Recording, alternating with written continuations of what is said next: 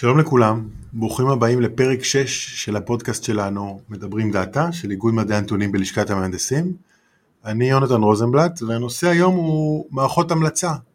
אז אה, אי שם ב-2006 אני חושב השתתפתי במה שנקרא נטפליקס Challenge זה אומר שניסינו לנבא מה אנשים יחשבו על הסרט Miss Congeniality על סמך אה, דירוגים של סרטים אחרים. זה די כל מה שאני זוכר על מערכות המלצה. אה, ובשביל אה, ללמד אותי עוד על העניין הצטרף אלינו אורי גורן. אז אה, שלום לך אורי. אהלן. ברוך הבא. כן, אני גם ממערכות המלצה, אני עוד זוכר את הימים העליזים של הנטפליקס channel, Challenge, האמת שזה היה אירוע מכונן לא רק אישית, אלא אני חושב שזה ממש הקפיץ את התחום כמה דרגות קדימה. תרגיל מטורף גם במדע וגם ביחסי ציבור, אנחנו נרחיב עליו. אבל א', אני, אולי תציג את עצמך. אז אה, נעים מאוד, אורי גורן. אה, בנוסף ל... להתארח בפודקאסטים, אני גם אוהב אה, להנחות פודקאסט וחצי. אני המנחה יחד עם תמיר נווה את אקספליינבל. בעבר היה עמלק AI, מי שיצא לו להכיר. וחוץ מאשר שאני אוהב לדבר, אז יצא לי גם אה, לארגן את PyData, קהילת ה data scientist, data scientist ים הגדולה בישראל, וכדי להתפרנס, אז יש לי חברת ייעוץ, בעיקר, שמתעסקת בשני תחומים, בתחום העיבוד שפה, ובעיקר בתחום מערכות המלצה. אז יצא לי לראות איזה אה, פרויקט או שתיים אה, בתחום. יפה, לא סתם, לא סתם נבחרת למשימה. ברשותך, בוא נתחיל בהתחלה. מה זה מערכות המלצה? כן, אז מערכת המלצה זה נשמע כמו משהו כזה נורא נורא מדעי, שאולי לא נתקלנו בו, אבל כל מי שקנה איזשהו פריט באינטרנט, באמזון, אי-ביי, או אפילו יצא לו להאזין לשיר בספוטיפיי, יוטיוב, אז הוא כבר היה נחשף למערכת המלצה וכבר היה איזשהו data point שאחרי זה נתאמן עליה.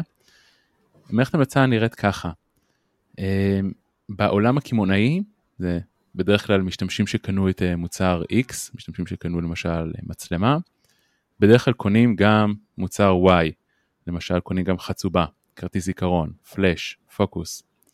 בעולמות התוכן זה נראה לרוב כמו משתמשים שהאזינו למוצרט, יאהבו אולי גם את באך, וגנר וכדומה. זאת אומרת, אה, אני חושב שכבר בנקודת מוצא הזו, אנחנו שמים לב ששני המקרים הם המלצות. המלצה אחת היא המלצה בעצם של אה, מוצרים, והמלצה שנייה היא המלצה של תוכן, וההבדל ביניהם לדעתי כמי שמפתח מערכות המלצה הוא די, אה, די תהומי.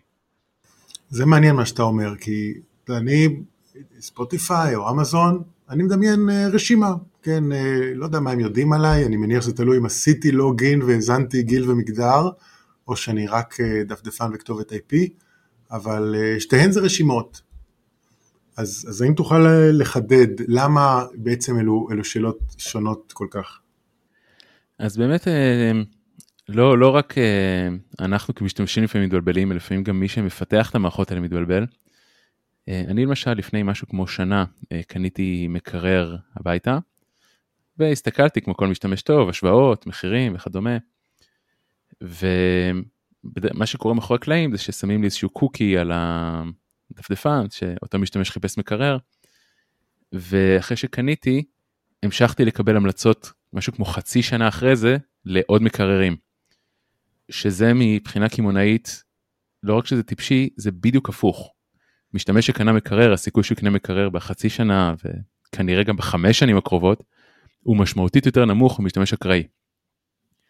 וזה דווקא לא נכון בעולמות התוכן.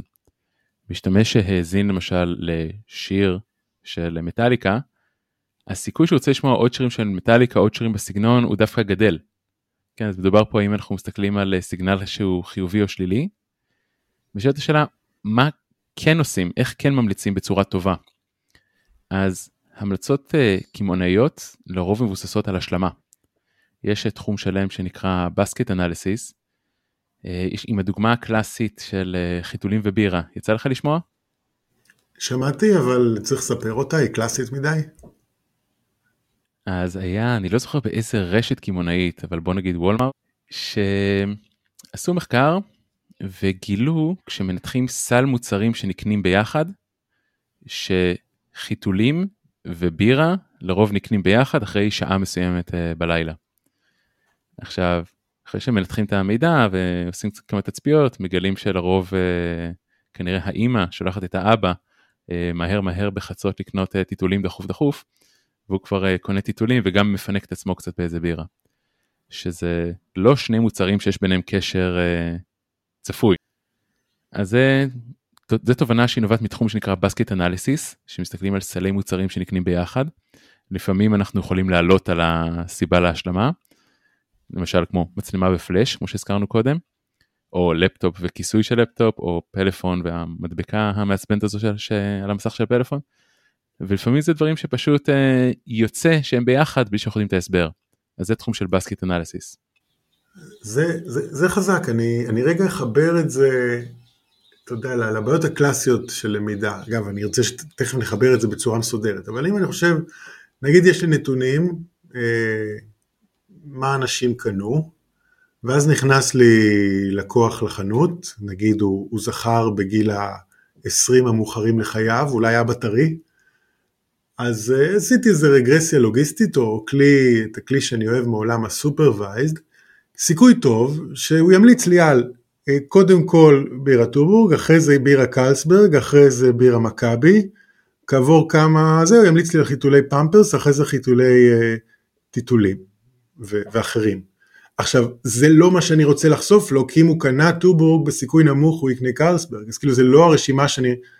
אני לא רוצה לחשוף לו המלצות לפי הסדר, לפי סדר ההסתברויות שהוא יקנה אותם.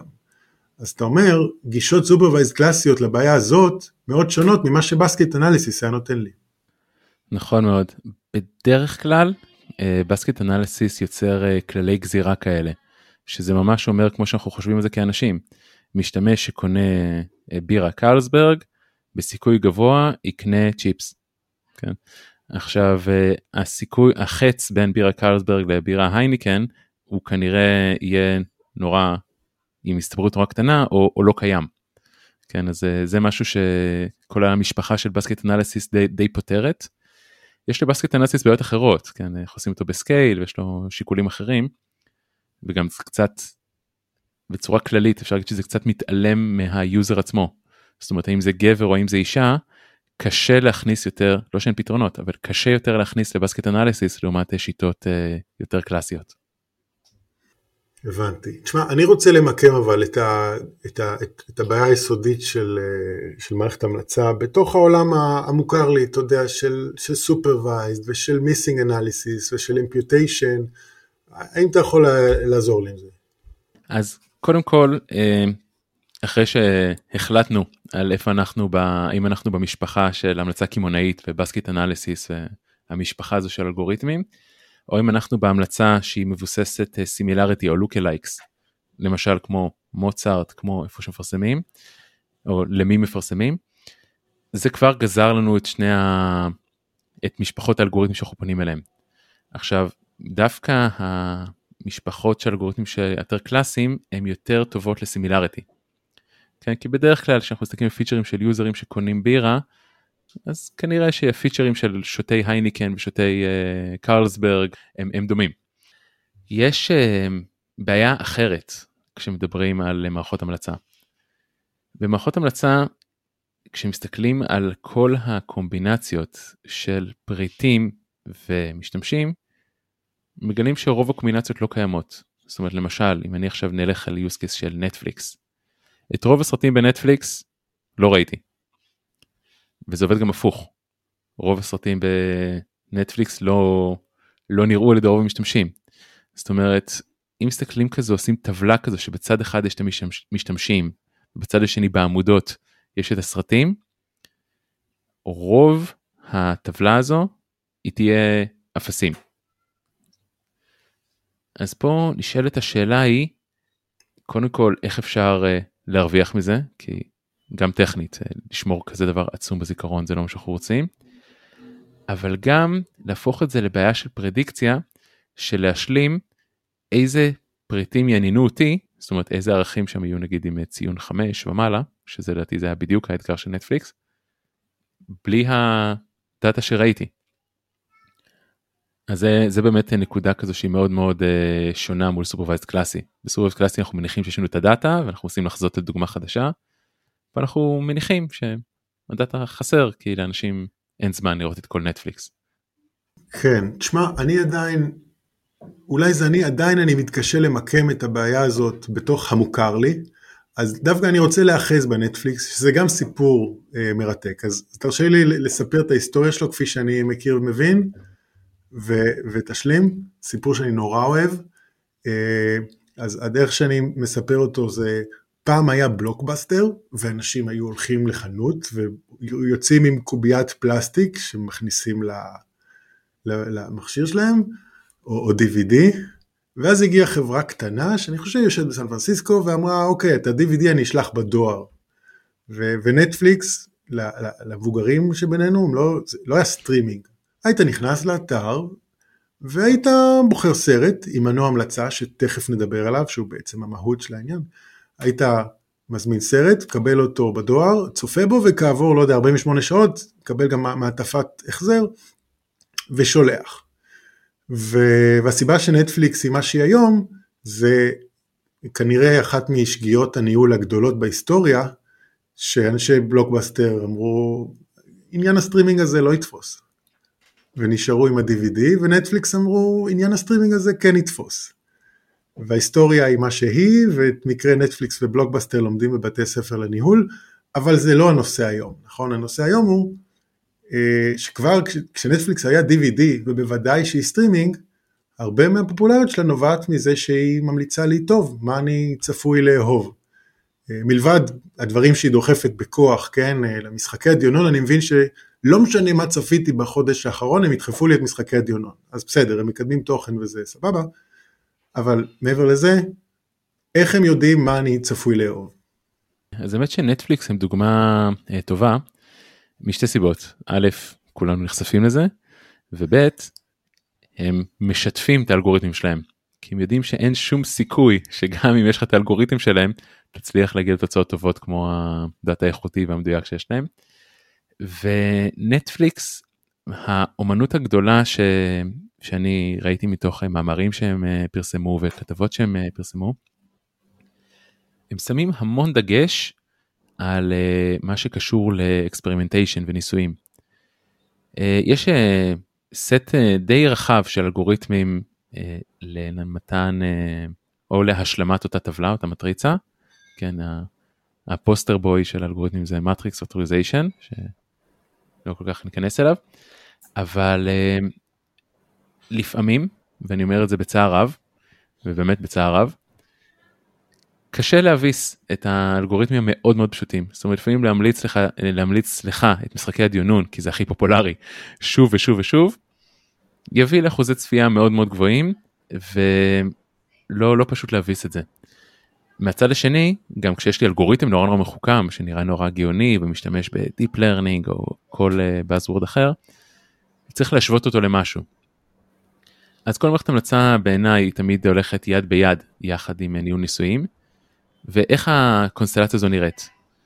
אז למשל יש לי משפחה של אלגוריתמים, אלגוריתם אחד יהיה תמליץ ליונתן את הכי פופולרי, וזה יהיה הבקט של הפופולריטי, והוא יקבל 20% מה, אה, מהיוזרים, או 20% מהפעמים שאנשים לוחצים על השאלת מפעיל את נטפליקס.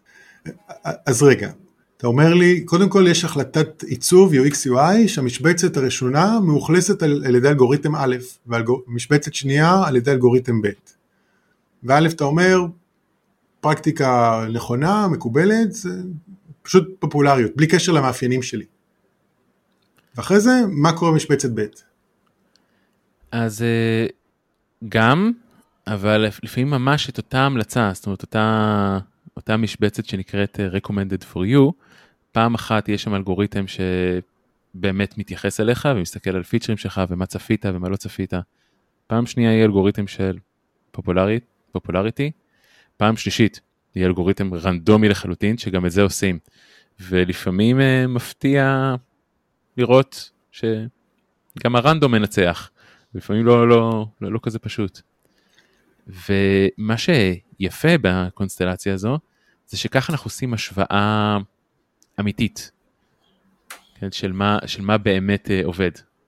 ולא מפתיע לגלות שזה גם משתנה לאורך השנה, למשל יכול להיות שסביב כריסמס, אה, כן, אז אנשים נורא רוצים אה, לראות ולהראות לילדים שלהם את הסרטי חג, אז יש מודלים שונים שמתאימים לתקופות שונות, וזה דרך טובה לגלות את זה דרך הניהול ניסויים.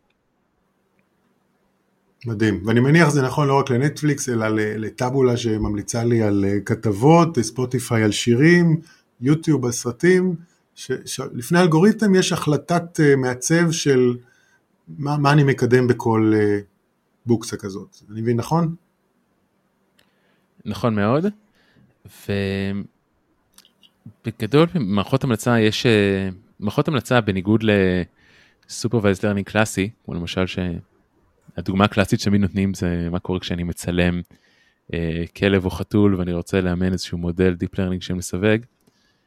אז במערכות המלצה העניין הוא טיפה יותר מורכב אה, משלל סיבות, אבל הסיבה העיקרית היא שאותה המלצה שאני קבעתי, היא יכולה להשפיע לך על הטעם. כן, אני אמשיך ל... להמליץ לך לעוד סדרות קוריאניות, יכול להיות שאתה תתחבר לזה, ויכול להיות שאם לא הייתי ממליץ לך במקור על משחקי הדיונון, בכלל לא, לא, לא היית בעניין. וב supervised learning קלאסי, העובדה שסיווגתי את התמונה הזו כחתול, לא השפיעה על מה זה להיות חתול. כן, חתולים נשארו חתולים, אין פה, לתחזית שלי אין השפעה. זה מה שנקרא קצת ב... יש תיאוריה שלמה, זה מה שנקרא כאוס מדרגה שנייה. כן, האם ההחלטה עצמה משפיעה על הבלאגן או לא. כן, אז סיווג קלאסי הוא כאוס מדרגה ראשונה, התחזית שלי לא משפיעה, ובעולמות כמו המלצה, והאמת היא שגם מניות, אז ההחלטה שלי היא כן יכולה להשפיע על העדפות.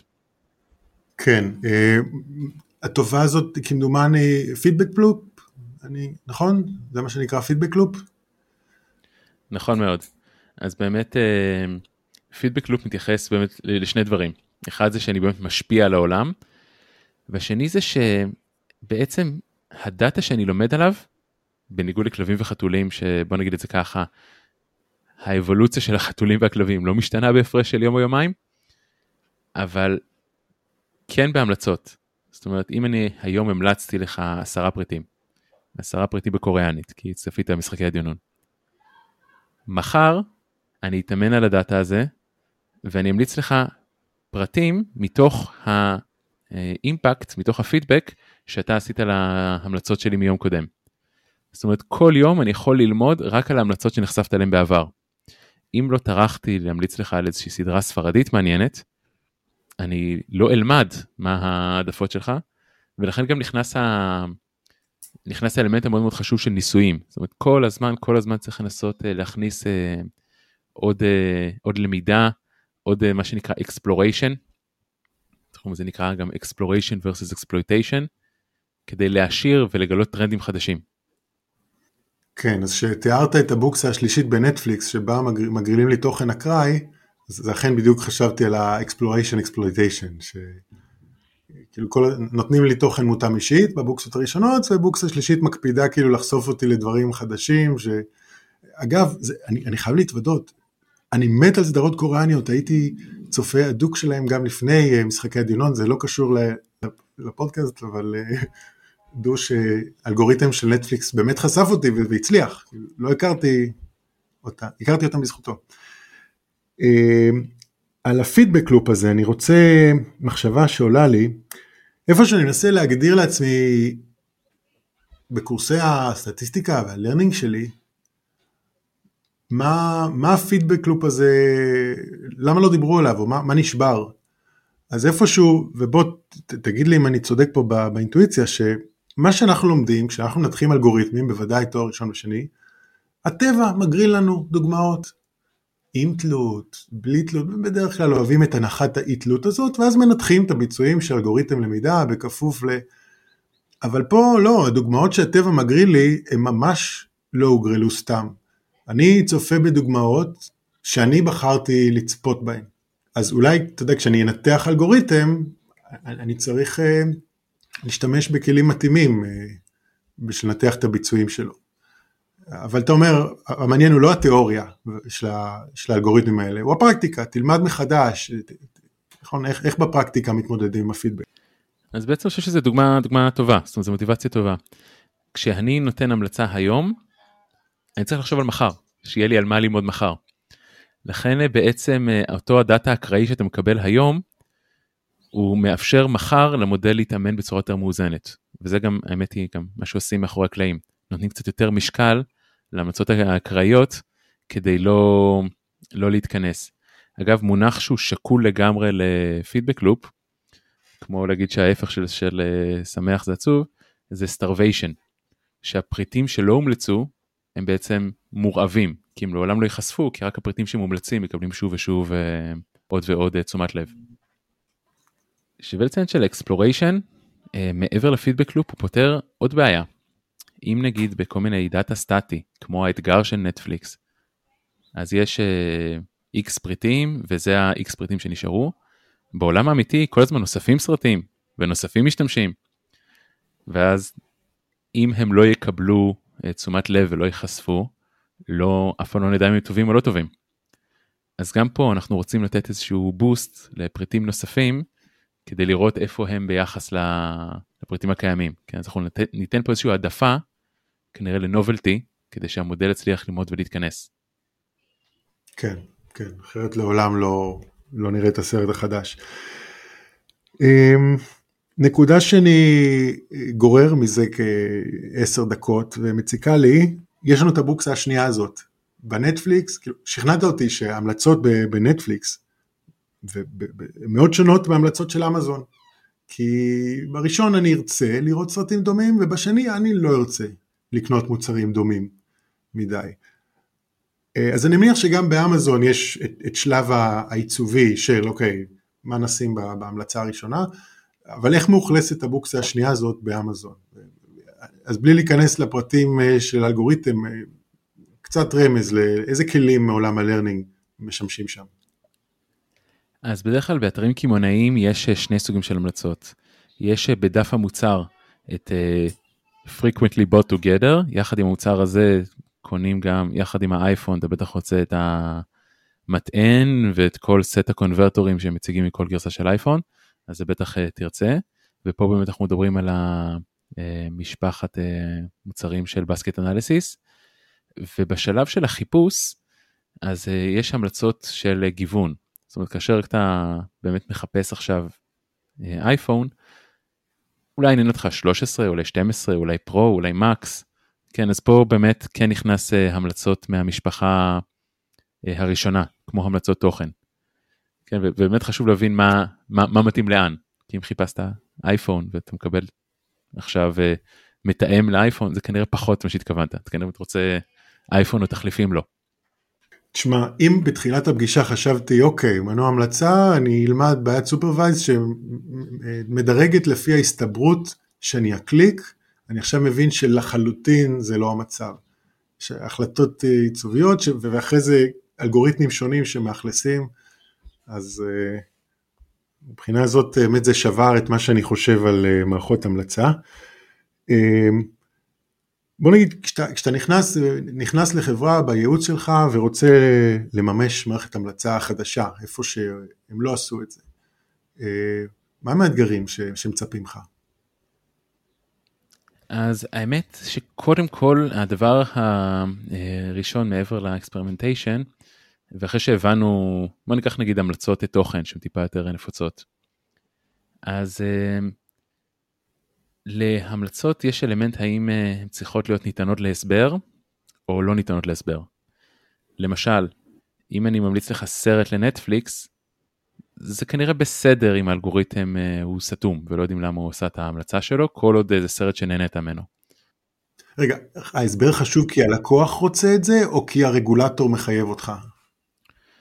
Um, בדרך כלל זה בא מהרגולטור, אבל לפעמים גם uh, יש לזה גם אלמנטים של uh, דיבאג. ולמשל יצא לי uh, לממש מערכת המלצה לחברה שעושה התאמה של כוח אדם.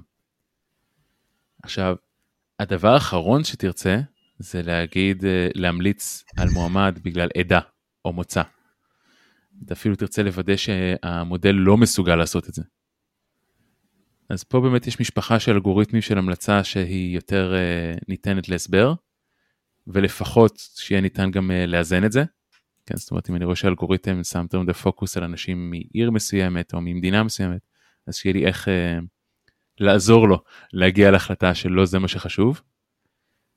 ואפשר לנחש שבתחומים הפיננסיים, למשל בכל תחום של כוח אדם, שם ה-explainability הוא, הוא הכרח. זאת אומרת הרגולטור ממש יושב ויכולים לתבוע אותך, אם מערכת המלצה שלך תיתן העדפה. ובהקשרים יותר של fun, אה, של entertainment, אז אה, זה כנראה פחות קריטי איזה סרטים אה, המלצתי לך, כן? זה כנראה אף אחד לא יתבע אותי על זה. אוקיי, okay, מה עם מה שנקרא cold start, כלומר, איך אתה מתחיל בכלל כש... כש... אין לך דאטה אולי? כן, אז באמת, כמו שאומרים, נגעת בדיוק באחת הנקודות הקשות. מערכת המלצה ביום הראשון, אז אין התנהגות משתמשים. בדרך כלל אה, גם אה, אין כל כך אה, היסטוריה ואונתולוגיה בין מוצרים דומים ללא דומים. ונשאלת השאלה, אם אני לא יודע כלום על המשתמשים ואני לא יודע כלום על הפריטים, איך אני אעשה את ההתאמה? אז פה באמת נכנס האלמנט של איך מתמודדים בעת הקולד סטארט עם התנאה הקרה בתרגום קלוקל לעברית. עכשיו, אני חייב להגיד שזה כמו כמו בהתנעה של מכונית זה באמת משהו שצריך לעשות אותו בהתחלה בדחיפה עד שהמערכת חיה ולומדת ואנחנו מתמודדים עם, ה, אה, עם הפידבק לוס או הכל כמו שצריך. ובשלבים האלה בדרך כלל אה, הפתרון הוא יוריסטיקות. למשל אם יש לי כל מיני נתונים מתוך הקטלוג של המוצרים ויש לי נתונים על משתמשים מתוך הדמוגרפיה שלהם מתוך uh, הצנזוס בארצות הברית הלמ"ס בישראל אני יכול לעשות כל מיני קירובים שיהיו כנראה יותר טובים מהקראי. כן, למשל אם אני רואה שהמשתמש הוא משפחה, יהיה ניחוש יותר טוב מהקראי שמישהו שם צריך טיטולים. אני יודע שמשתמש הוא רווק, סביר, פחות סביר, כן, שיעניין אותו טיטולים. כן, אז זה באמת uh, התחלה, והמטרה זה כמו, זה כמו פתרון ל, להתקרחות. אין תרופה אחת, יש הרבה. זה אומר ששום דבר לא באמת עובד ב-100%. אז גם ל cold start. זה לא שיש את הפתרון ל cold start, יש שלל גישות איך אפשר, אה, איך אפשר להקל על הבעיה. תשמע, כקרח זה בכלל לא בעיה, זה, זה פיצ'ר, זה לא באג. אבל אה, אה, בעצם מה שאתה אומר, שלב ה exploration הוא קל. להגריל באקראי אני לא צריך דאטה, אני יכול תמיד. ובהתחלה את שלב ה exploitation אין לי הרבה דאטה, אז אני משתמש ביוריסטיקות, ב hard coding של ההיגיון הבריא שלי, וכעבור תקופה כשיצבר לי מספיק דאטה, אני אחליף את ההיגיון בריא בגישות אה, לומדות. אם הבנתי נכון? בדיוק, בדיוק. ופה באמת נכנס גם הרבה מאוד יצירתיות והרבה מאוד ספקנות, כן, ש... אני יכול להגיד פרקטית שעובדים עם אה, מערכות, עם מערכות כאלה ומנהלי מוצר, יש הרבה מאוד דברים שסמוכים ובטוחים שהם נכונים. ואחרי ניסויים מגלים שאותם אה, דברים שברור שהמשתמשים שלנו אה, קונים רק, רק את הביוקר כי הם מצפון תל אביב, מסתבר שלא. כן, אז צריך פה באמת הרבה מאוד, הרבה מאוד ספקנות בדאטה וצריך להבין שכל יוריסטיקה כזו שהשתמשנו לכל סטארט צריך להמשיך ולבחון אותה כשהמערכת כבר חיה ומתגלגלת והדאטה נאסף.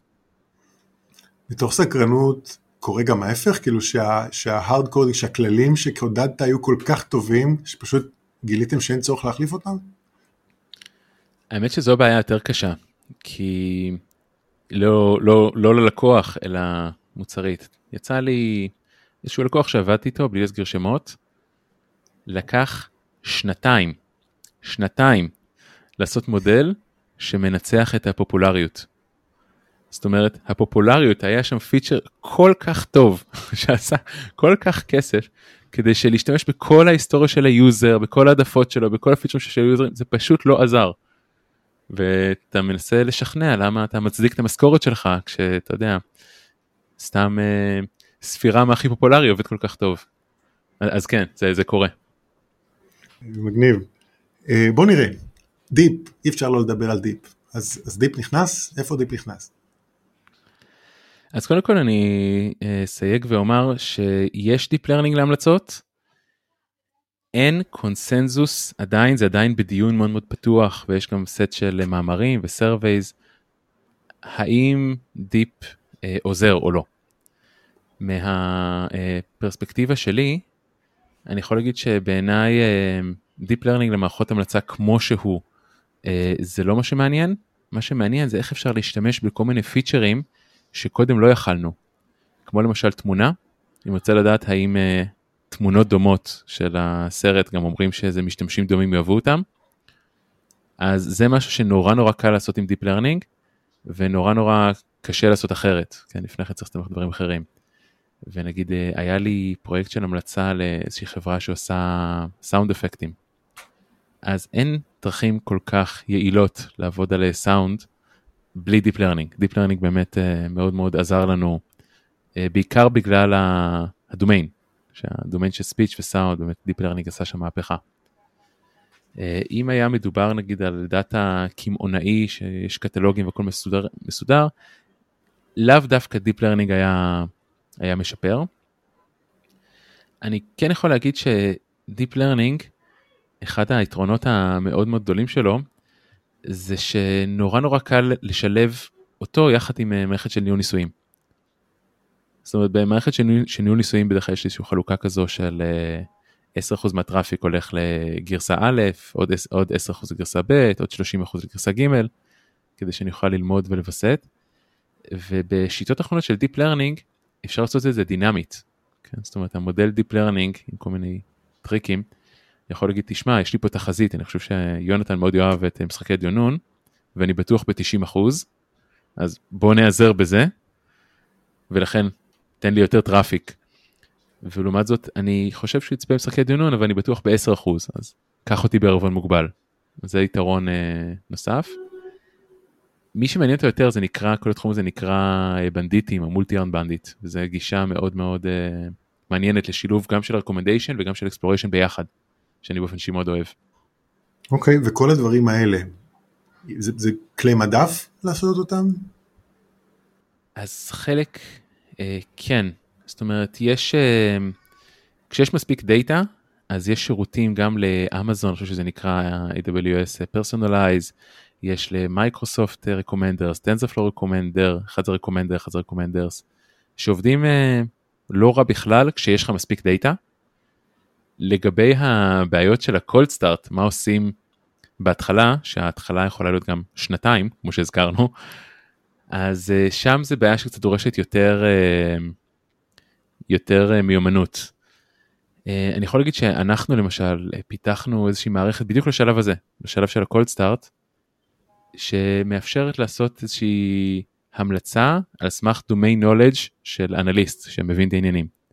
כן, מאפשרת למשל למשקל פיצ'רים ביחד, לעשות הרבה מאוד ניסויים במקביל, להבין, וזה משהו שלדעתי נורא נורא קל כאילו לזלזל ולקפוץ מעל הקולד סטארט, אבל זה יכול להיות חלק מאוד אה, מאוד ארוך, במיוחד גם מדובר בקטלוג שכל הזמן נוספים אליו דברים, אז זה הופך להיות כבר בעיה מאוד מאוד אינהרנטית, ולא איזשהו שלב אה, זמני באפיון המערכת.